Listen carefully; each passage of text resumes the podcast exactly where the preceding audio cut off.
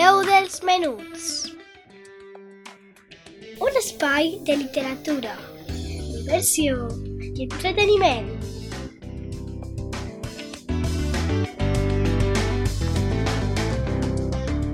Amb Laia Esteve.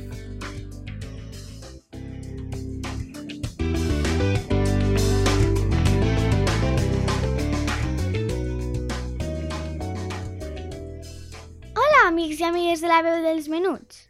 Avui estic així per a parlar-vos un poquet d'una altra persona que va ser important en aquest món. Avui anem a parlar de Wolfgang Amadeus Mozart, una persona que des de ben menut es va veure quin va ser el seu do, la música. Vos interessa? M'acompanyeu? Comencem! Wolfgang Amadeus Mozart va néixer en el 1756 en Salzburg, una ciutat a prop dels Alps. A la gent de Salzburg li encantava la música. A Salzburg hi havia un ambient musical reconfortant. El pare de Wolfgang no era una excepció. Treballava com a mestre de capella de la ciutat. També era compositor i violinista.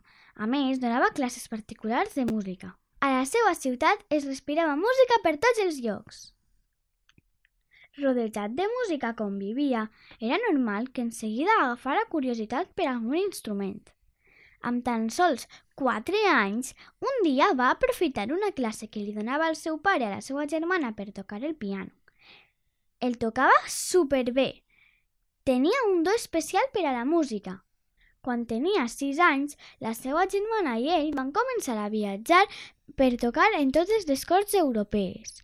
Al poc temps es van fer famosos i allà on tocaven reis i reines, prínceps i princeses es quedaven meravellats amb la seva grandiositat amb els instruments.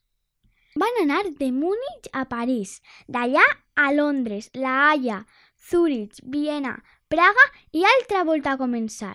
Es van passar 10 anys així, viatjant de ciutat en ciutat. Mare meua, quin treball! Però quan que aprendrien? En un dels molts viatges que van fer, van visitar Roma, on va ocórrer algo fantàstic.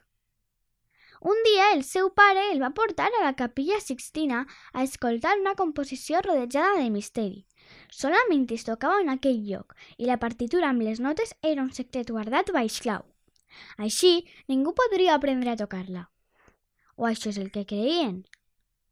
Wolfgang la va escoltar amb atenció i a la tornada a la posada on s'allotjaven va ser capaç d'escriure-la de memòria. Quan el papa es va adonar de que un xic de tan sols 14 anys havia descobert el secret de la composició, li va entregar una condecoració. Amb tan sols 13 anys ja havia composat la seva primera òpera, diverses sonates per a violí i piano, i inclús alguna sinfonia. En la seva època, els músics solien viure quasi com criats d'algun home ric que els pagava a canvi de que sols escrigueren la música que, que, que ell volia.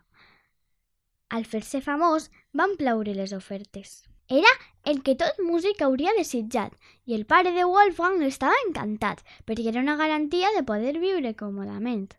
Però a Wolfgang no li agradava aquesta idea. Per a ell, la música era el més important, molt més que la fama i els diners. Sempre havia preferit poder viatjar d'un país a altre, ser lliure i composar la música que preferira ell.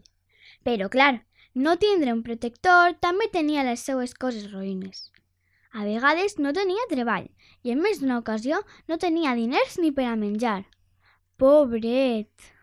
Li agradava viatjar i va estar vivint a Viena, on es va casar i va conèixer a un altre gran compositor, Joseph Haydn. Un dia li va fer una broma i li va dir que per més bon pianista que fora, no anava a poder tocar una partitura que li va donar. Va acceptar el repte i va començar a tocar. Però de repent es va parar perquè hi havia una nota solitària en el centre del teclat. Aleshores, Mozart va començar a tocar i, arribat el punt de la nota solitària, es va inclinar cap al piano i va tocar la nota solitària amb el nas. Haydn li va dir que podia tocar amb tot el cos literalment. Encara que no va viure demasiats anys, va dedicar tot el temps que va poder a la música i va composar 600 obres de tot tipus, més o menys. més de 20 òperes, unes 40 sinfonies, més de 20 concerts per a piano, misses, quartets de corda, multitud de cançons... Als seus temps, havia molta gent que no arribava a vella, i ell no va ser una excepció. La seva vida va acabar amb tan sols 35 anys. Encara que estava malalt, li apassionava tant la música que va continuar component fins l'últim dia. Havia rebut un misteriós encàrrec d'un home que no va revelar la seva identitat i que li va demanar que escriguera una missa de difunts. Aquesta última obra, el Requiem, va quedar incompleta i va ser un dels seus discípuls qui la va acabar. Ningú sap on el van enterrar, però la gent el recorda per la seva música. És una història bonica i al mateix temps trista, veritat? I fins així el programa d'avui. Què us ha paregut la vida d'aquest compositor? Vos imagineu a Mozart en la capilla Sixtina memoritzant una composició escoltant-la tan sols una vegada? Seria increïble, a que sí? A mi m'ha agradat molt explicar-vos aquesta història i espero que hàgiu après tant com he après jo. Passeu un bon cap de setmana, que ja comencen les festes, que les passades van ser molt especials per a mi, per el pregó. Espero que vosaltres disfruteu igual o més. I, com sempre vos dic, cuideu-vos molt!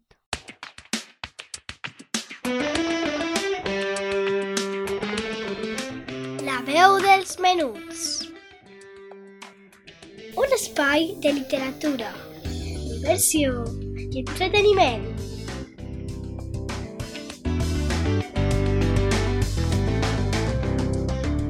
Amb Laia